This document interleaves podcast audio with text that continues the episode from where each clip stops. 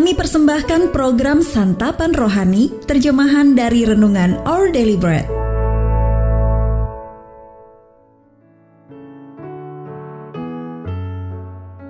Sahabat ODB, pembacaan Alkitab hari ini terambil dari 1 Tesalonika 2 ayat 1 sampai 9. 1 Tesalonika 2 ayat 1 sampai 9. Pelayanan Paulus di Tesalonika. Kamu sendiri pun memang tahu saudara-saudara bahwa kedatangan kami di antaramu tidaklah sia-sia. Tetapi sungguh pun kami sebelumnya seperti kamu tahu telah dianiaya dan dihina di Filipi. Namun dengan pertolongan Allah kita, kami beroleh keberanian untuk memberitakan Injil Allah kepada kamu dalam perjuangan yang berat.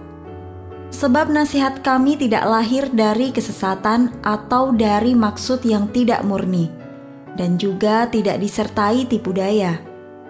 Sebaliknya, karena Allah telah menganggap kami layak untuk mempercayakan Injil kepada kami, karena itulah kami berbicara, bukan untuk menyukakan manusia, melainkan untuk menyukakan Allah yang menguji hati kita. Karena kami tidak pernah bermulut manis, hal itu kamu ketahui, dan tidak pernah mempunyai maksud loba yang tersembunyi. Allah adalah saksi. Juga tidak pernah kami mencari pujian dari manusia, baik dari kamu maupun dari orang-orang lain, sekalipun kami dapat berbuat demikian sebagai rasul-rasul Kristus tetapi kami berlaku ramah di antara kamu, sama seperti seorang ibu mengasuh dan merawati anaknya.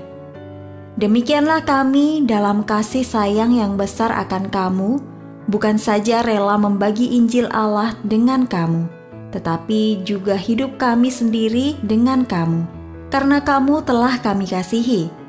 Sebab kamu masih ingat saudara-saudara akan usaha dan jerih lelah kami sementara kami bekerja siang malam supaya jangan menjadi beban bagi siapa pun juga di antara kamu. Kami memberitakan Injil Allah kepada kamu. Ayat emas renungan hari ini terambil dari 1 Tesalonika pasal kedua ayat yang ketujuh. Kami berlaku ramah di antara kamu, sama seperti seorang ibu mengasuh dan merawati anaknya. Renungan hari ini berjudul Seperti Kasih Ibu. Ditulis oleh Mike Whitmer.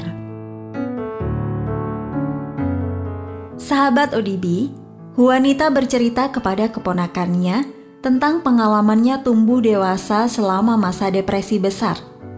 Keluarganya yang miskin hanya makan apel, ditambah apa pun hasil buruan ayahnya. Setiap kali ayahnya membawa seekor tupai untuk makan malam, ibunya berkata, "Berikan kepalanya untukku. Aku cuma ingin makan itu. Daging kepala itu bagian yang terbaik." Bertahun-tahun kemudian, wanita baru menyadari tidak ada daging pada kepala tupai. Ibunya tidak memakannya. Ia hanya berpura-pura itu bagian terbaik agar kami anak-anak bisa makan lebih banyak dan tidak usah mengkhawatirkan dirinya. Saat merayakan Hari Ibu Internasional besok, kiranya kita juga mengingat kisah-kisah pengorbanan ibu kita.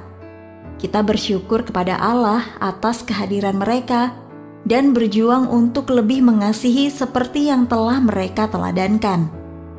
Rasul Paulus melayani jemaat Tesalonika sama seperti seorang ibu mengasuh dan merawati anaknya.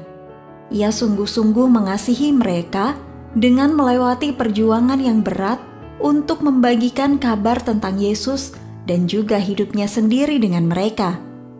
Sambil bekerja siang malam, supaya jangan menjadi beban bagi siapa pun juga.